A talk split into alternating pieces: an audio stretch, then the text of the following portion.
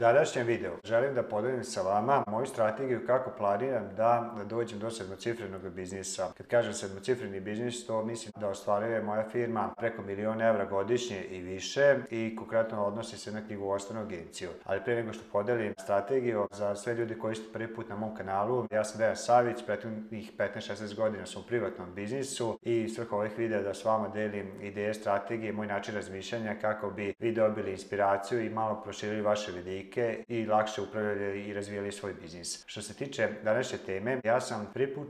od jednog govornika Jim Rona pre nekih 15 godina kad sam počeo da čitam knjige na tu temu, da svi treba da postave cilj da zarade milion dolara. On je amerikanac pa je govorio dolarima, ali princip je isti, znači da postavite neki sebi visok cilj ne zbog samog novca, već zbog osobe kakva ćete postati. I da biste vi zarađivali milion evra ili dolara godišnje i više, vi morate biti mnogo dobro organizovana osoba, morate biti mnogo produktivna osoba, morate biti osoba od poverenja, integriteta, komunikacije, da zaradite novac na ispravan način, znači dajući veću vrednost drugim ljudima i poboljšavajući život vašeg okruženja. I u tom smislu svrha tog cilja jeste da vi porastete kao osoba i pre nekih 6-7 godina isto bio sam kod jednog mentora Salima Omara u Americi, u Njujorku i tada kada sam se vratio sa tog uh, programa, prva stvar koju sam radio jeste da smo postavili da su togodišnji cilj u firmi da ostvarujemo milion evra godišnjeg prihoda od knjigovodstvenih usluga. Tada kada smo postavili taj cilj, bilo nas troje četvora u kancelariji, maloj kancelariji od 40 kvadrata i godišnji prihod nam je bio 50.000 evra. Trenutno, šest godina kasnije, mi smo na trećini tog puta i ostalo nam je još četiri godine i krećemo se jako dobro ka tom putu da ostvarimo taj cilj i važno je shvatiti, ja kad sam postavio taj cilj, apsolutno nisam imao predstavu kako ću to ostvariti i svrha tije desetogodišnje vizije nije u tome da vi sad kad to postavite morate znati sve korake je svrha toga da vam da fokus koji će vas usmeravati svakog dana i svakog nedelje da vi primećujete u svom okruženju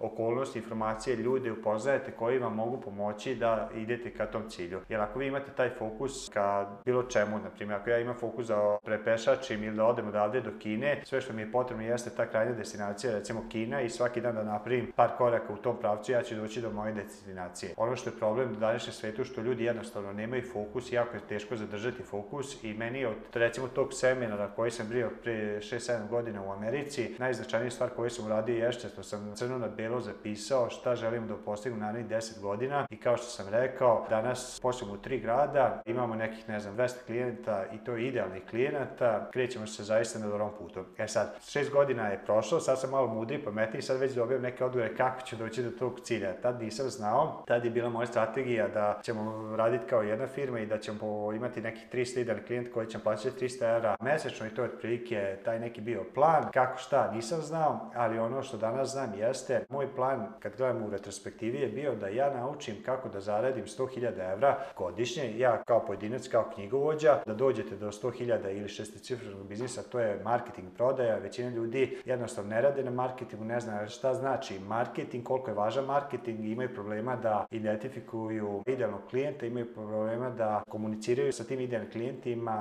i da budu konstantni u marketingu i to je jedna stvar koju sam ja uspio da rešim, da dođem do 100.000 evra. Posle toga kada uspete da rešite taj deo oko marketinga, onda imate problem ili usko grlo sa kapacitetom i tu su vam ključne stvari da imate dokumentovne sisteme za sve vaše aktivnosti koje radite i da imate pravo okruženje i prave ljude koji će primenjivati te sisteme. Prva faza do tog cilja do cifrenog biznisa jeste da ja naučim kako da sam krenem 100.000 evra godišnje. Kada sam to naučio, ono što je moj bio sledeći cilj što jeste sad sledeći cilj, jeste da gradim lidere kojima ću pomoći da brže i lakše dođu do 100.000 evra godišnjeg cilja. Znači, konkretno govorim o knjigovodstvenoj agenciji. Trenutno imamo dva tima u Beogradu i Novom Sadu, jako su blizu na 100.000 evra godišnje. Imamo još u Nišu tim koji se kreće na dobrom putu da probije ove godine ili možda sledeće 100.000 evra godišnje i u Novom Sadu imamo još dva tima nova koje sam počeo, to je dva nova lidera kojima želim da pomognem da izgrade taj svoj kao frančizu ili mini biznis u okviru pro biznis centra koji će stvariti 100.000 evra godišnje. I konkretno eto, moja strategija je vrlo jednostavna. Prvi korak je bio da ja naučim e, kako da postavim biznis na noge, da ja ostvarim 100.000 evra i posle toga drugi korak jeste da prenesem te sisteme i korake drugim ljudima, da prvo otkrijem te lidere u mom okruženju, da ih pitam da li oni vide isto tu viziju i ako žele da je ostvare, moj cilj je isto da im pomognem kao što sam pomognu sebi, da uz pomoć dobrog marketinga